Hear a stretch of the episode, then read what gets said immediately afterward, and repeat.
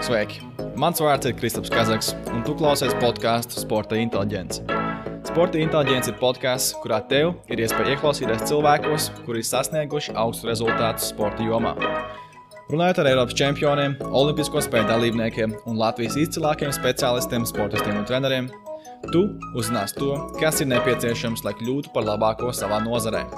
Kopā mēs centīsimies izprast, kādas īpašības piemīt tiem, kurus sasniedz vairāk cik grūts ir ceļš pretī panākumiem un kāda loma šajā procesā spēlē mentāla sagatavotība un tādas īpašības kā emocionālā inteligence, iekšējā runa un pašvērtējums.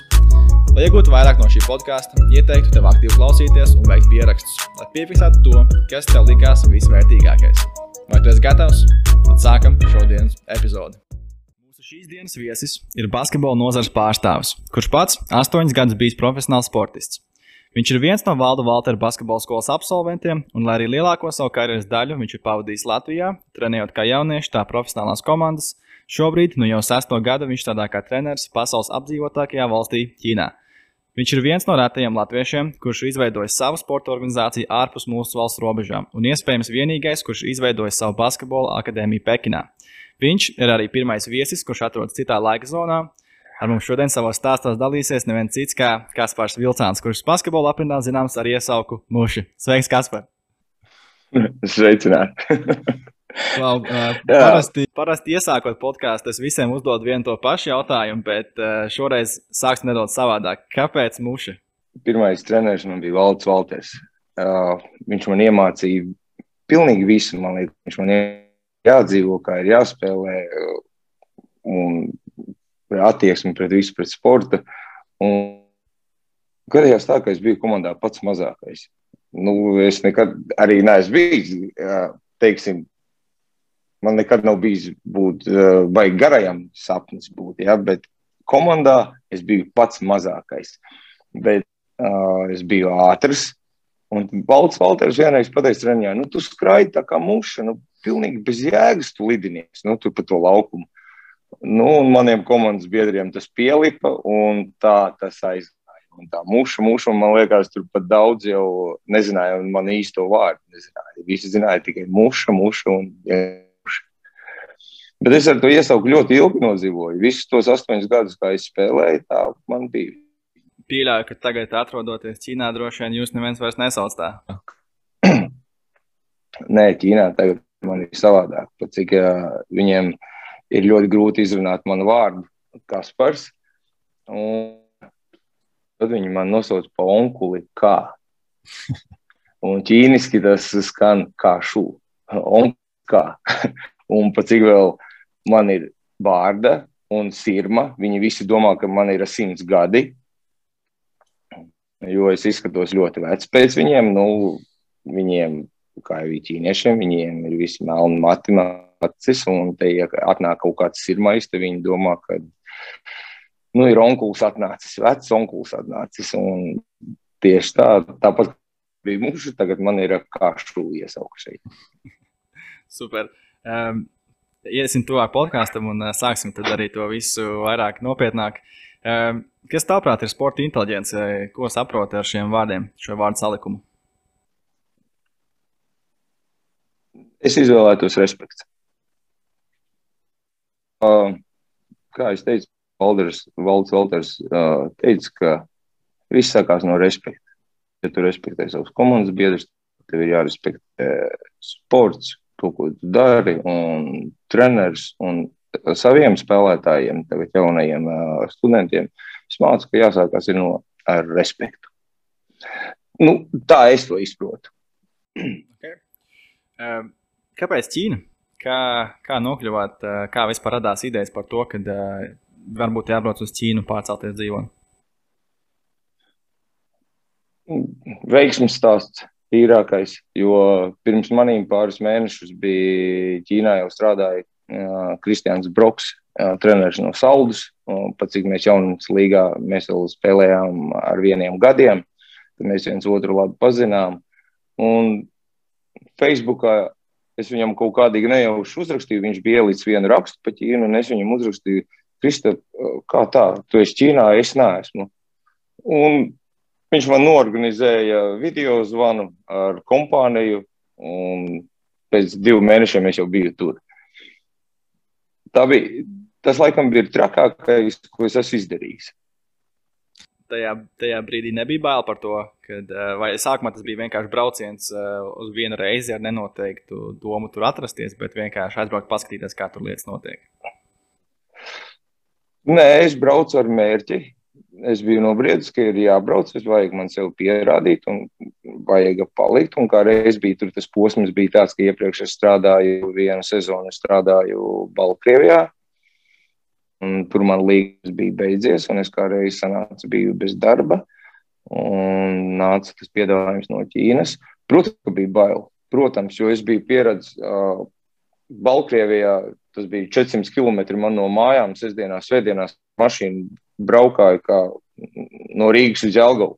Jā, mm. Tas likās vienkārši. Tagad es aizlidoju 6000 km projām kaut kur no mājām. Šausmīgi bija bail. Bija tā, man liekas, ka es pat aizmirstu angļu valodu. Es neatcerējos, neko, ko vajag teikt, kā vajag teikt. Godīgi, ļoti biju nobijies no tā visa. Bet Paveicās ar to, ka Kristiāns man bija blakus. Mūsu salika dzīvot vienā dzīvoklī ar viņu. Nu, un Kristiāns palīdzēja man iedzīvoties. Ar ko varbūt atšķirās teiksim, tā ikdienas dzīve Ķīnā no Latvijas? Tas ir pavisam kaut kur tālu, tālu projām. Liekas, tā ir kaut kāda cita pasaule. Kas ir varbūt tās pirmās lietas, kas nāca galvā uzreiz, kas ir atšķirīgas? atbraucot otrajā dienā, man bija jāiet un jānodemonstrē demo treniņš. Un, uh, tā zāle atrodas, bija jābrauc ar metro. Es, es līdz šim nebiju bijis, man nebija sanācis braukt ar metro. Pirmkārt, tas tāds manā dzīvē, bija pirmais brauciens ar metro. Es nogāju, un kad es redzēju, cik cilvēki izgāja no tā metro, man liekas, ka tur bija visa Latvija. Visa Latvija. Es tik daudz kopumā kādīgi nebiju redzējis. Un, kā jau es teicu iepriekš, viņiem visiem melni mati ir un tāda plūsma. Un ar stumšanu mūs iestūmīja tādā metro, un ar stumšanu man izstūmīja no tā metro ārā. Tas man bija pirmais brauciens, tas bija šoks. Tas bija pirmais tāds riktīgākais šoks priekš manīm. Jūs arī atradāties Pekinā jau sākumā, pareizi, kas ir Nemaldos lielākā pilsēta Ķīnā. Jā, tā ir Pekīna. Pekīna ir tīri uh, pēc Ķīnas tradīcijām. Viņi uzskatās, tā ir viena no vecākajām pilsētām. Ja, teiksim, Hongkonga tur ir daudz ārzemnieku, tur viss notiek eiropiski vairāk. Tad Pekīna ir viena no stabilākajām tradīcijām Ķīnas. Okay, jā, tas sākums bailīgs, traks, droši vien iespaidīja un kultūra šoks vispārējais, bet vienā intervijā teica, ka pēc diviem gadiem Ķīnā saprati, ka vari izdarīt visu un ka ne no kā nav jākautrējās. Kas, kas noveda pie šāda secinājuma, kas mainījās tajā domāšanā? Es domāju, pirmkārt, tāpēc, ka mežonīgi daudz cilvēku. Un, nu, pie mums Latvijā es līdz šim uh, dzīvoju Jelgavā nu, mēs tur tik maz esam. Ja, teiksim, ja es izietu ar dzelteniem matiem uz ielas, nu, tad man liekas, vēl katru mēnesi kāds atcerētos un teikt, Euriku, tas tur ar dzelteniem matiem aizgāja. Ja. Nu, tad šeit tad cilvēki atļaujās jebko. Viņi, viņi par tādām lietām pat neaizdomājās un neiespringst. Par to, kā teiksim, man bija uzskati Latvijā, nu, ka tā, tā nevar darīt, tā nav smuki, varbūt tās tas būs pat traku, ko citi padomās. Šitos gadus nodzīvojot, es to esmu nolicis tādā maliņā. Es nekautrējos. Nu, protams, vajag saprast, nu, ne jau lekt no mājas ja, un domāt, ka viss būs kārtībā. Bet, nu, nevajag kautrēties šeit, jo te var būt tās rītā, tevi neviens neatcerēsies. Tagad, teiksim, atgriežoties atpakaļ Latvijā kaut vai uz Ziemassvētku brīvdienām, vai Vai šī domāšana atgriežas tajās pašās sliedēs, kā jau iepriekš, kad labāk neizlekt uz citu fonu, vai tomēr jau ir tāda pārliecība, ka jūs ejat savu ceļu un būtībā, ja nevienalga, tad nu, tas, ko padomās citi, nav tas primārais, kas ienāk galvā? Nav. Lai nu, vienmēr tu kādam patiks un kādam nepatiks, kāds tev sapratīs un kāds tev nesapratīs. Nu, atbraucot, teiksim, nu, uz Latviju, kad tu satiec savus draugus, nu, es atbraucu uz Latviju tā kā ciemos, man ir savādāk. Es atbraucu, es esmu tā noilgojies pēc bērniem, pēc mājām, ka man tās divas, trīs nedēļas paiet. Es pat kā vakar aizgāju gulēt, šodien jau atkal man jābrauc ir, uh, uz lidostu. Bet nu, Latvijā jau nav visiem viegli dzīve. Nu, nav vienmēr ir kaut kādas savas problēmas, un kad tu sāc tad liekas, ka sāk stāstīt par tām problēmām un visu kaut ko, tad bēdīgi citreiz. Bet, e, nav tā, ka Latvijā cilvēkiem varbūt ir bail uzņemties teiksim, to iniciatīvu, kaut ko iesākt darīt tikai tīri tādēļ, ka no tām bailēm kopā ar mani padomās kāds cits. Es domāju, ka ir. Es domāju, ka ir. Man agrāk, teiksim, tāds, man liekas, mums jau latviešiem ir tas, ka nedos kāds kaut ko izdarīs un kad ir kaut ko pateikt. Nu, ja cilvēks prot to visu nolikt malā, nedomāt un, un tikai iet ceļu savu uz priekšu, tad jau viss ir iespējams. Nu. Ķīnā Es redzu šeit lielākas iespējas. Es redzu šeit lielākas iespējas nekā Latvijā. Tāpēc es šeit pieturos un es esmu uzņēmis savu mērķi. Es tieši tā kā tā, es kaut kur atsitīšos vai nevarēšu izlausties cauri. Un es domāju, ka tā arī jūs nokļuvāt līdz tā idejai, ka sākt, teiksim, veidot no savu akadēmiju. Kāds bija šis ceļš, kad paiet tie divi gadi, un jūs izdomājat, ka nē, tomēr gribās kaut ko savu sākt? Kas, kas varbūt bija tas tas atslēgas punkts tajā visā, kad radās tā ideja uzveidot kaut ko savējo? Hmm.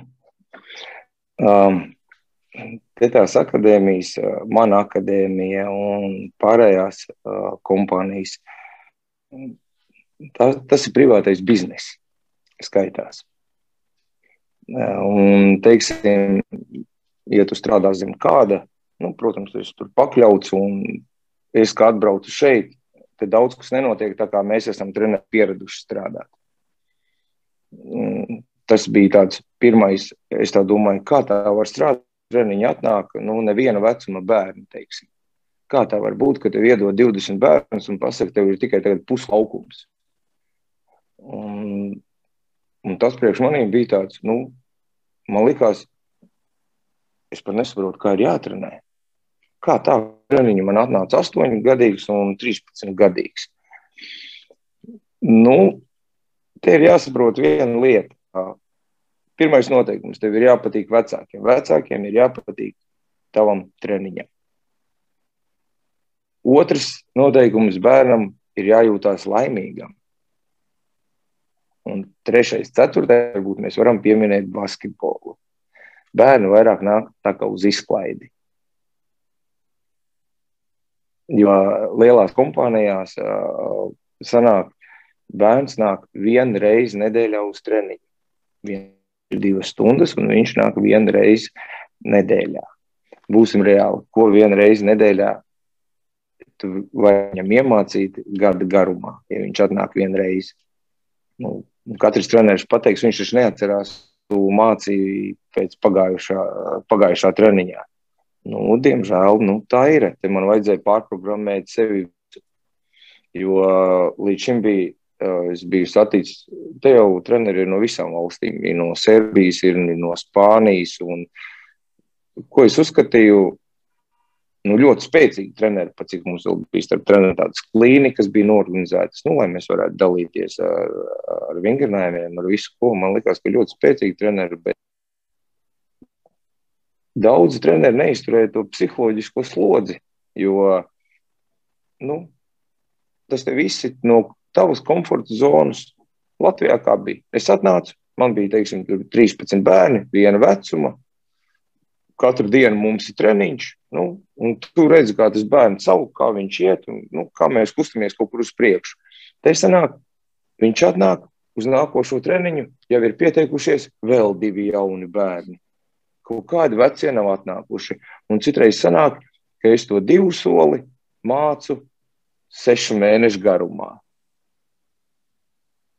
Nu, tas, kā no treneris skatoties, tas ir bēdīgi, ļoti bēdīgi. Skats uz to dzīvi, liekas. Bet nu, es kaut kur savu ego to noliku maliņā.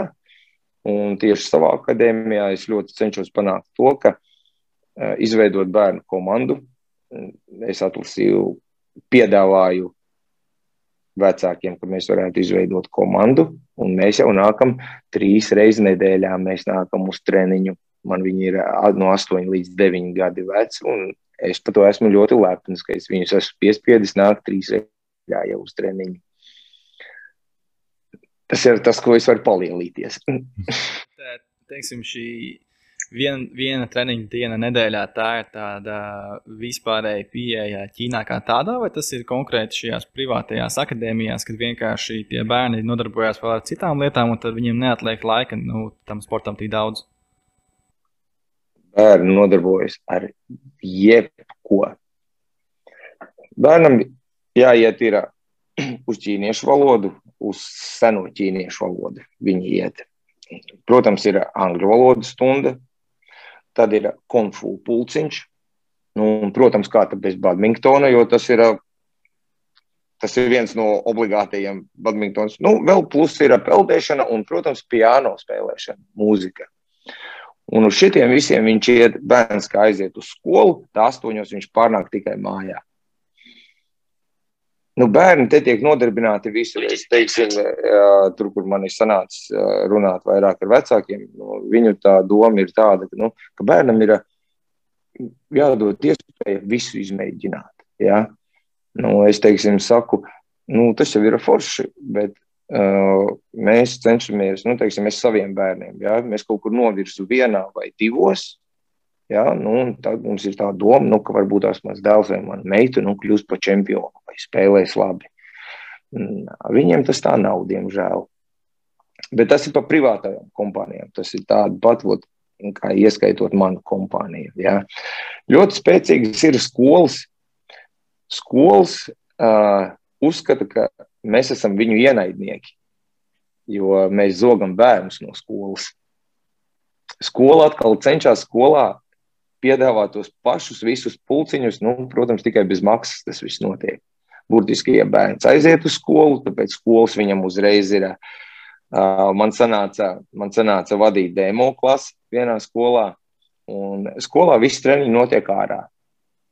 Vienalga, tas ir februāris vai tas ir marts vai decembris, tuvojās, viss notiek ārā te nav tādas, mēs nebaidāmies iet ārā, kad ir mīnus viens, mīnus divi grādi. Mums notiek treniņi ārā.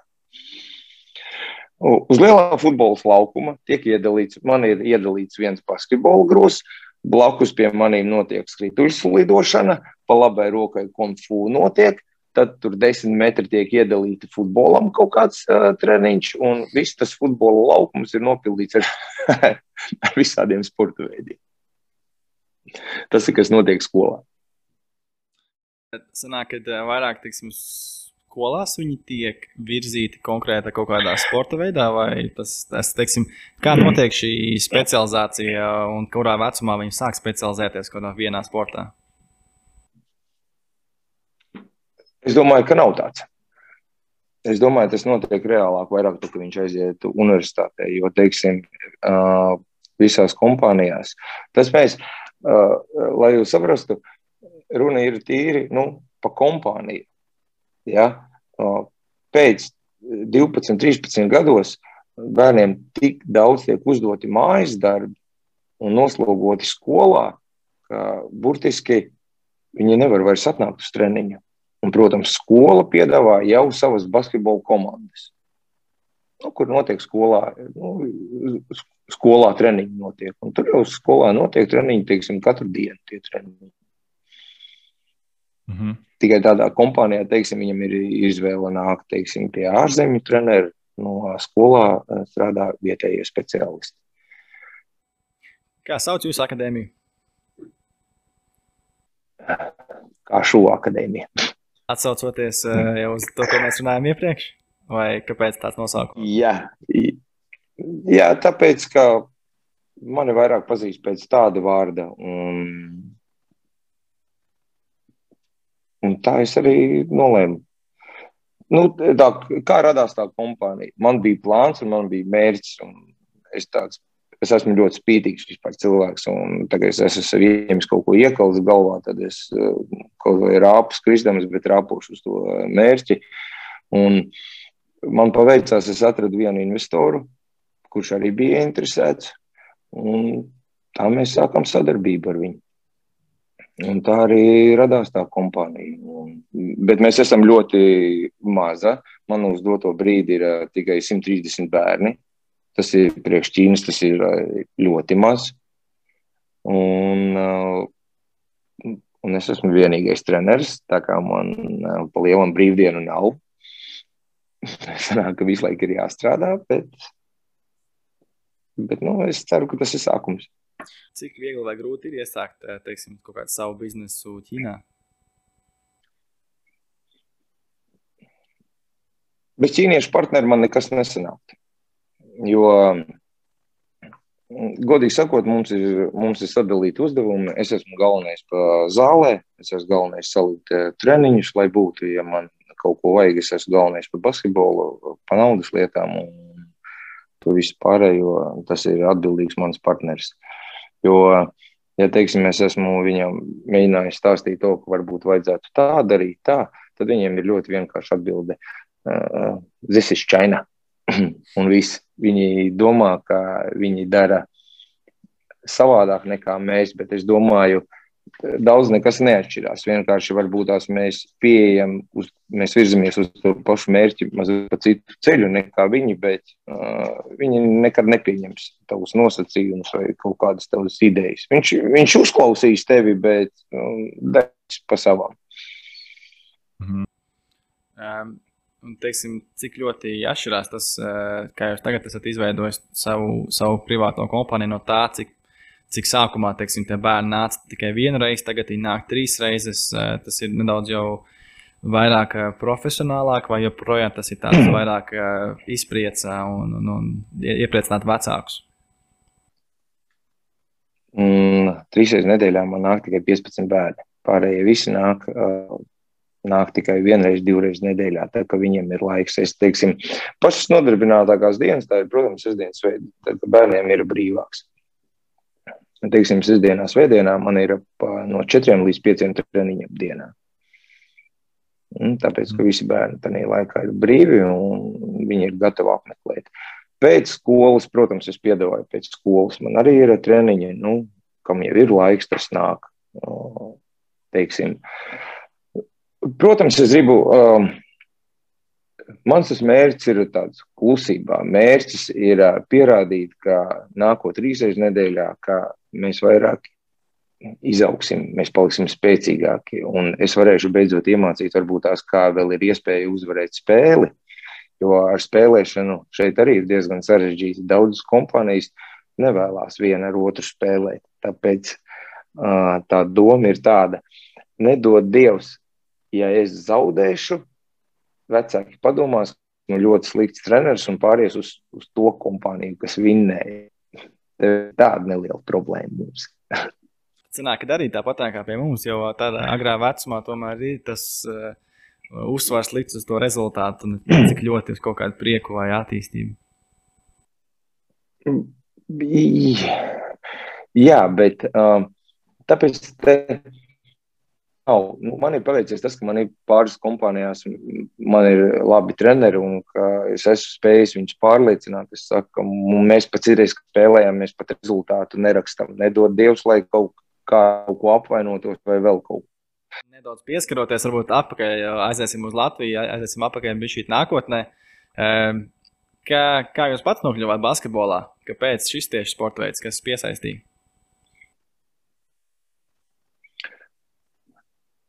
Pateicoties diviem draugiem. Tas ir Edgars Jansons un Jānis Kodoliņš. Viņi tajā laikā viņi trenējās Vēja sporta skolā. Viņi mani kaut kādīgi vilka uz to zāli, jo mēs dzīvojām vienā pagalmā. Viņi mani vilka uz to zāli, un, un es vienkārši sāku spēlēt. Godīgi sakot, es līdz, es līdz 14 gadiem nekur netrenējos basketbolā. Vienīgais, ko bija, rādīja Tanī laikā sestdienās rādīja NBA spēles. Svētdien bija spēle, man liekas, sestdien bija tāda apskati gāja. Un, burtiski sakot, es daudz ko iemācījos no televizora. Pirmais, kas bija, un sestdienās brauca viņu treneris Matīs Vārna treneris brauca spēlēt. Un, uh, viņš mani kaut kādīgi paaicināja uz U16 izlasi. O, es aizbraucu, es atceros, kā tagad. Nometne bija brocēnos. Sastāvā es netiku, jo es biju tiku kā 13. Mums vēl ar, bija tāds spēlētājs, tāds Furmanis.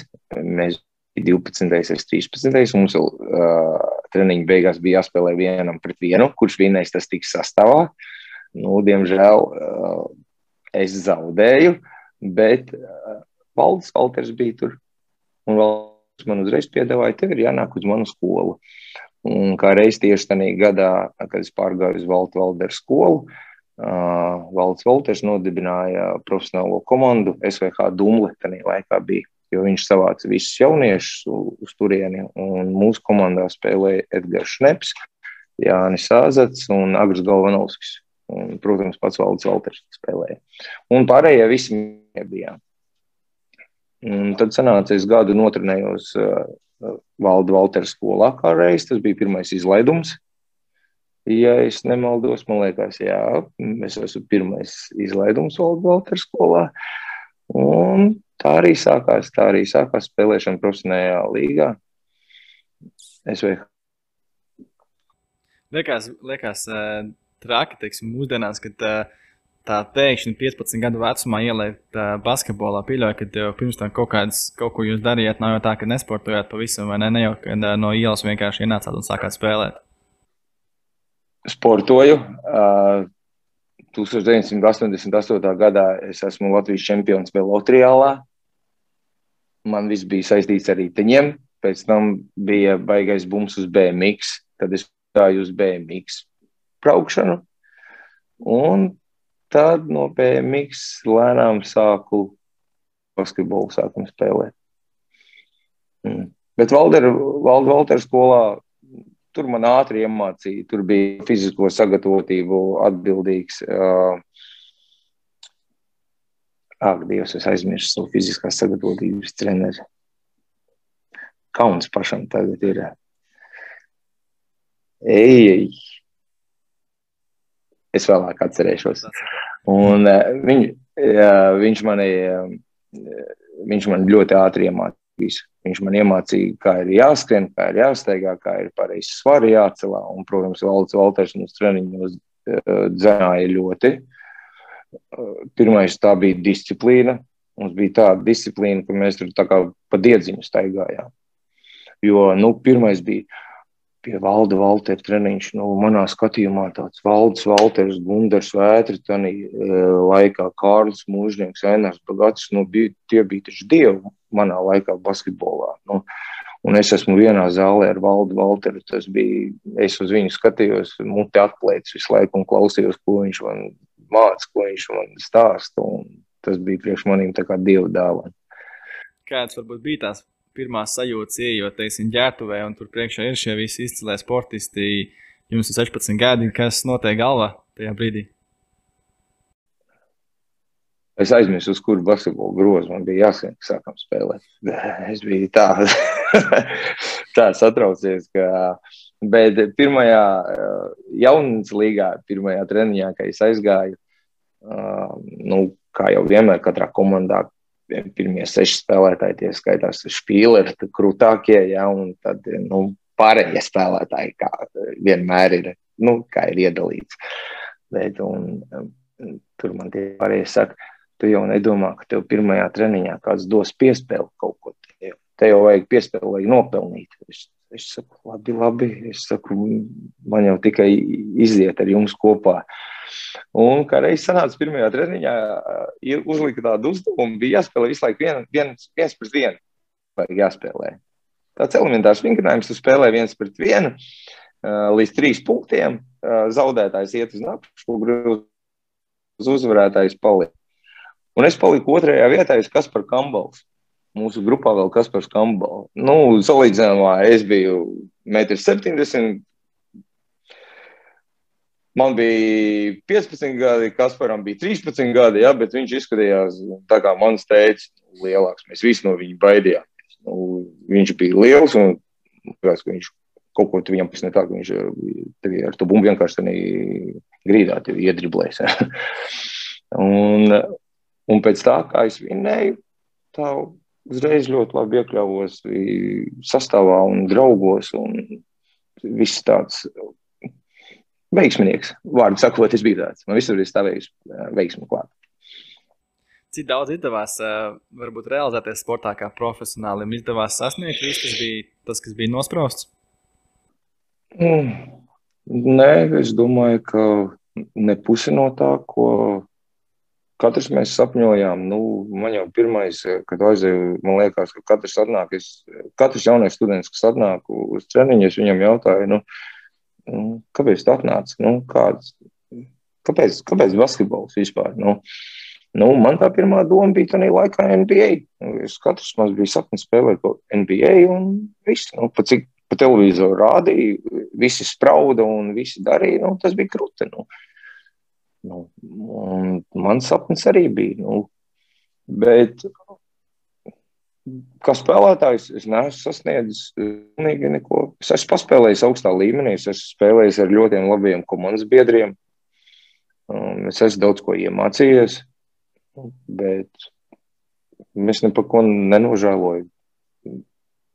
Es tā kā katru esmu bijis, un es domāju, ka Latvijā es ar savu augumu tādi vēl ir 60 tūkstoši puikas, kas spēlē. Un tikai jānovēl viņai veiksmi tikt tur iekšā. Man sanāca, es tur tiku, un kādu labu laiku es noturējos tur, un es esmu ar to apmierināts.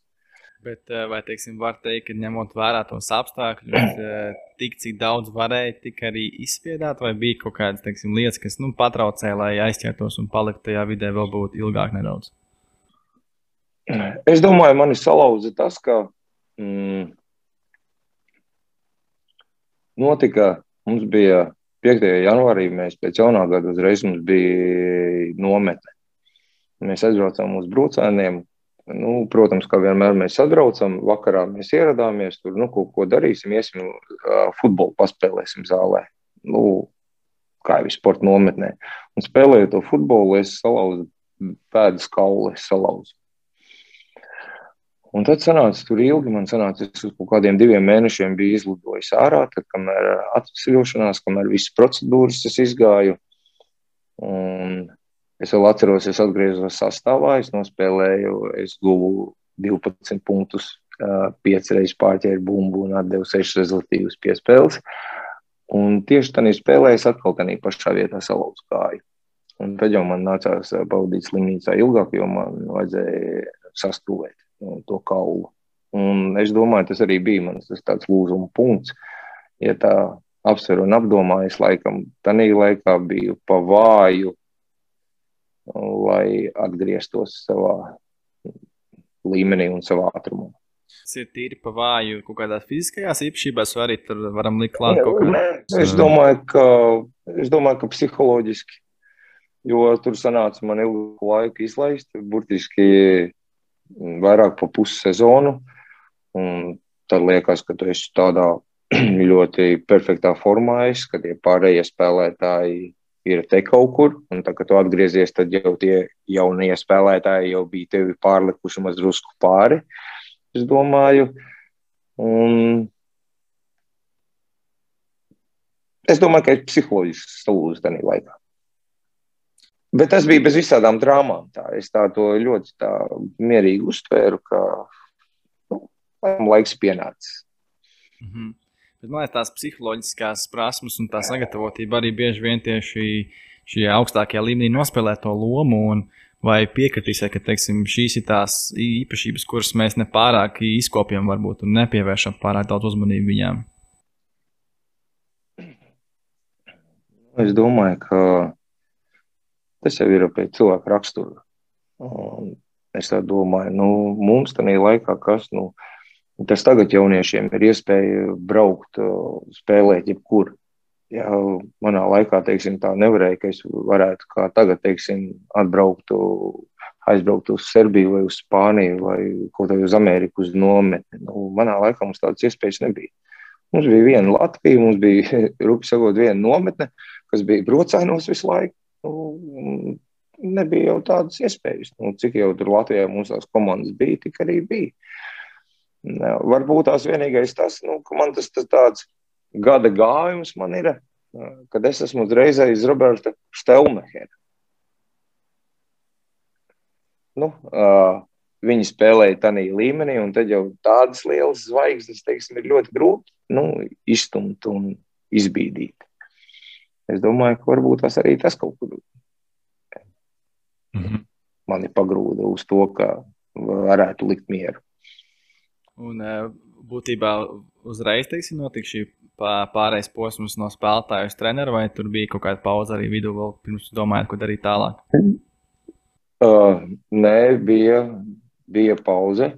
Un, uh, grib, uh, negribētu teikt, bet tā bija atkal. Es uzskatu, ka liktenis vai veiksmi man stāvēja atsanāts tā, ka Varis Krūmiņš pārgāja uz Jelgavu. Un Jālgava nodibināja LBL2 jā, komandu, lai nu, Varas Krūmiņš tur bija galvenais treneris, un viņš uzaicināja mani pa palīgu. Teiksim, atgriešanos eh, sākt tā kā trenerim, man jāsaka liels paldies Ivarim Krūmiņam, jo viņš mani tajā visā burtiski reāli ievilka atpakaļ. Un tā es arī sāku strādāt Jālgavas uh, sporta skolā, plus vēl pie lielās komandas – Un par to es esmu ļoti pateicīgs Varam Krūmiņam. Jā. Grūti ir varbūt spēt teiksim, nodot šīs zināšanas, kas ir kā spēlētājiem tev, bet tagad tu esi treneris un to jāspēj tiem jaunajiem spēlētājiem pateikt, kā ir jāspēlē, cik, cik viegli ir teiksim, šī komunikācija ar, ar, ar te padotājiem savai. Nu, pēc sevis spriežot, man jau liekas, ka man ir tāds cikls, ka pēc pieciem gadiem uh, mainās tā visa attieksme, mainās tas viss tas uh, trenēšanās stils. Ja es tagad atceros, kā es trenēju agrāk, man liekas, ak, Dievs, ja es tagad tādu trenēju, ja es ieraudzītu, ka kāds tā trenējas, tad padomāt, nu, čelīt, tu gan esi vēl švaks treneris. Bet, nu, tādā laikā nu, bija grūti saprast to, nu, ka tu, kā tu iedod bumbu viņam driblēt. Nu, liekas, nu, kā var nemācīt driblēt? Nu, teiksim, vai tur mest, vai nu, kā tu nevari iedot piespēli. Nu, kādu nesaprot, ka ir jādod to piespēli. Nu, bet, ja tā reāli padomā, nu, kā bērns var saprast, ja viņš nesaprot, kas tā tāda piespēle un kāpēc ir jādod tā piespēle. Nu, uh, teiksim, atlecot šeit atpakaļ uz Ķīnu, jā, gribējās pateikt to, ka tagad uh, es tik ļoti esmu atsvaidzinājis visus uh, pamat uh, vingrinājumus basketbolā, ka tagad es teiksim, skatos pavisam savādāk, kā es trenēju Latvijā. Tas jau, teiksim, te man vairāk ir sanāk, es strādāju ar pamatiem, nu, pat cik katrs bērns nāk, jā. Un mans stils ir ļoti mainījies. Un es domāju, ka tagad ir viss galvenais niansēs, kā tu izskaidro viņam ne tikai pateikt, kas ir jādara, bet izskaidrot, kāpēc tas ir vajadzīgs, kas no tā būs un kāds no tā būs iznākums. Es tagad esmu tādu filozofiju sev izvēlējies, un es to arī pielietoju darbā.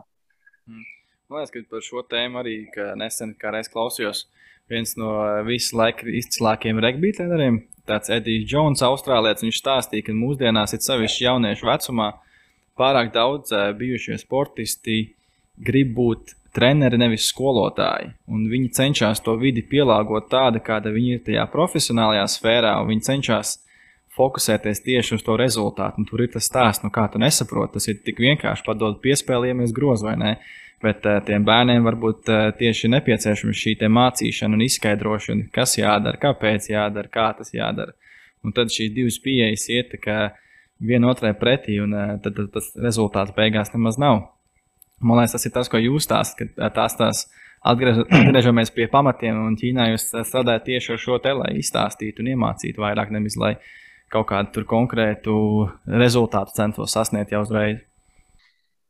Jā, nu, tam es pilnīgi piekrītu. Nu, nu, man ir uzskata tāda, ka Protams, mums Latvijā ir bijuši ļoti spoži spēlētāji, un tagad tie paši treneri, jā, bet daudz treneri nav izgājuši bērnu skolu.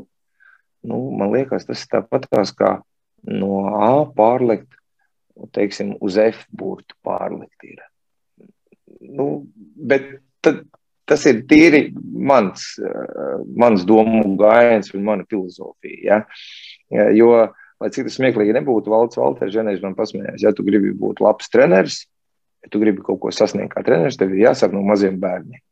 Un man tas kaut kādīgi tā bija iestājies prātā, ka jāsāk ar maziem bērniem. Un, godīgi sakot, es esmu pateicīgs, ka bērni, tas ir, tu novērtējis, vairāk izprotu, kā man jāpaskaidro, kāds tas bērns ir, kā viņam, kuram vajag stingrāk uzliekt, kuram vajag papajāt un pateikt, nekas nākošais tev izdosies. Un es domāju, ka psiholoģiski es esmu palicis daudzreiz spēcīgāks kā treneris nu, uz tādām niansēm. Lielajā komandā, profesionālajā, tur ir vajadzīga taktika un psiholoģija. Jo katrs treneris, lielajā, katrs spēlētājs lielajā komandā domā, ka viņš ir gudrāks par treneru. Tāds, man liekas, ir bijis jebkur. Jā. Nu, un, uh, tur ir vajadzīga taktika, kā var uzvarēt. Jo nu, Tu jau grūti ir kaut ko iemācīt. Kaut 22 eh, gadīgam puikam tagad es mācīšu, nē, tu kaut kur nepareizi tur kaut ko piedriblēji, ja crossover tomēr rokai tā jāpagriež vai kaut kādu labo tur pareizāku metienu viņam. Nu, ar to jau neviens nenodarbojas. Tu esi ticis lielajā basketbolā, man no tevis ir vajadzīga atdeve un man ir vajadzīgs no tevis rezultāts. Mm. Teiksim tā. Tā es to saprotu. Mm -hmm kādai varbūt ir jābūt eh, pēc jūsu domām tai videi, it sevišķi tajā bērnu un jauniešu sportā, lai, lai, lai mēs varētu attīstīties pēc iespējas labāk. Jo jūs jau pieminējāt, ka tā, tai pieeja droši vien jābūt individualizētai, jo katras, eh, katram nedarēs viens tas pats, bet varbūt kas vēl ir tās nepieciešamās lietas, īpašības, ja apstākļi, lai, lai tas sportists un cilvēks varētu attīstīties pēc iespējas vairāk. Pirmais ir jau bērniem. Ir, jāgrib nākt. Viņiem ir, uh, trenerim ir jāpacenšas, lai tas treniņš būtu, ieinteres, uh, lai būtu arī interesants. Mācīt ir viens, bet uh, tā kā mēs sakam, nu, vajag jau arī momenti, lai būtu having fun, lai viņiem tas būtu interesanti. Jo kā jau ir bērniem, nu, viņi nāk tā, ka viņiem patīk, un tad, kad ir interesanti. Un citreiz treneri to, ko es šeit esmu, šeit tieši Ķīnā ievērojis, ja, ka, teiksim, atbrauc tur labs speciālists, teiksim, no Serbijas, ja viņš tur paņem tādu riktīgu treniņu, ja, viņš nesaprot, ka tam bērnam, teiksim, nav tas līmenis tik augsts, ka viņš, nu, nevar to izdarīt tik labi, ja, nu, viņš paņem to uztaisa ļoti labu pēc Eiropas principiem treniņu, ja, bet Ķīnā šeit nevienam nepatīk, nu, tāpēc nav interesants. Nu, kā bērni izvēlās. Ir interesants, man patīk treneris, es nāku. Nu, nevienam jau nepatīk, ka liekas skriet sešas laukumus. Teiksim. Ja, viņš jau nesaprot to, ka viņš man pēc tiem 18 gadiem pieies un paspiež laukumu pateiks, to treneri. Es atceros, kādu man spiedu laukumus, paskaties, kā es tagad skrienu. Ja? Paldies, ka tu man palīdzēji. Nu. Un to apvienot kopā, es domāju, to arī vajag mācīt. Tur jābūt gudram trenerim.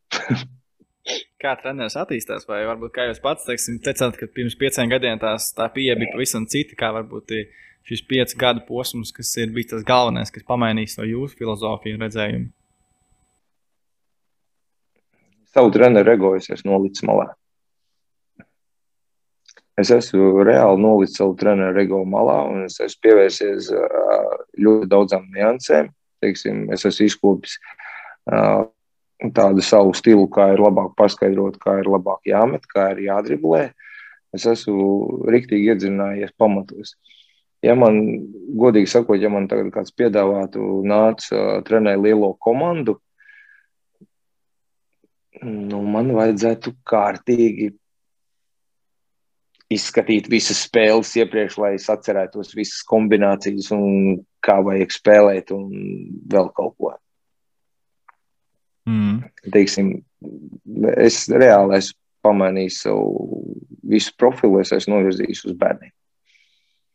Kas varbūt uh, ir tas, teiksim, no kā tas prieks radās darbā ar bērniem? Kas ir tas, kas uh, motivē, teiksim, turpināt to iesākto? Nu, redzēt, laikam, kā mums kaut kas izdodas. Nu, man, teiksim, vēl aizvien sagādā prieku, ja, teiksim, es māku driblēt viņu driblus ar kājām, un es pēc tam redzu, ka mums tas arī izdodas. To ātrumā izdarīt. Un, jau sāk parādīties kaut kas līdzīgāks basketbolam, nu, vai, vai labs dribbles. Nu, tie ir tādi mazi lieciņi, nu, ko mēs saņemam un kas mums citreiz stumjas priekšu. Nu. Un es domāju, nu, cik es esmu izvēlējies treneru, un tas ir mans darbs. Nu, par to es arī saņēmu attiecīgi atalgojumu. Tas viens ar otru iet roku rokā. Mm. Um, nedaudz pastījos jūsu Facebook lapā, un 2013. gadā redzēju vienu bildi un vienu citātu, kur gribēju arī nolasīt jums tagad un, pajautāt, vai jūs joprojām tā uzskatāt, vai tomēr ir mainījušās šīs domas. Un skan sekojoši, lai uzvarētu, ir nepieciešama veiksme un meistarība. Meistarība nāks treniņos, bet veiksme ir jānopelna. Viennozīmīgi. Tas man liekas, man dzīves, dzīves mans moto. Es, uh, šo teicienu sev atkārtoju galvā pie katra kaut ko, ko es daru. Es, es neesmu atmetis domu, ka es kaut kad man būs iespēja atgriezties lielajā sportā, nu, teiksim, profesionālajā sportā. Ja? Bet es domāju, ka man ir vēl cītīgāk ir jāstrādā, un tad es patiešām to veiksmi un to iespēju arī nopelnīšu. Tas teiciens, tas ir mans dzīves moto strādās kārtīgi, jā. trenēsies kārtīgi, un panākumi nāks agrāk vai vēlāk, tu to visu saņemsi atpakaļ. Kas tad varbūt ir tie lielākie mērķi, ko vēlaties sasniegt tieši sportā? Nu, es gribētu atgriezties profesionālajā sportā. Būs laikus dot uz sitienu, tāda atbilde man būtu pa otro treneru. Es gribētu atgriezties pie laba speciālista, pa otro treneru jo man vēl vajadzētu pamācīties daudz lietas. Jo riktīgi uh, būt pa galveno treneri, es domāju, ka es piedzīvotu ļoti lielu fiasko un ka nekas labs man no tā nesanāktu. Uz doto brīdi. Varbūt to visu nobeidzot, mums parasti patīk beigās nosaukt vienu kaut kādu resursu, kas ir palīdzējis jums kā speciālistam vai kā cilvēkam tajā savas dzīves gājumā, tā var būt kaut kāda grāmata vai filma vai kaut kāds šovs, kas ir, teiksim, iedevis kaut kādu nedaudz citu skatījumu uz dzīvi, ja varbūt ir kaut kāds tāds viens resurss.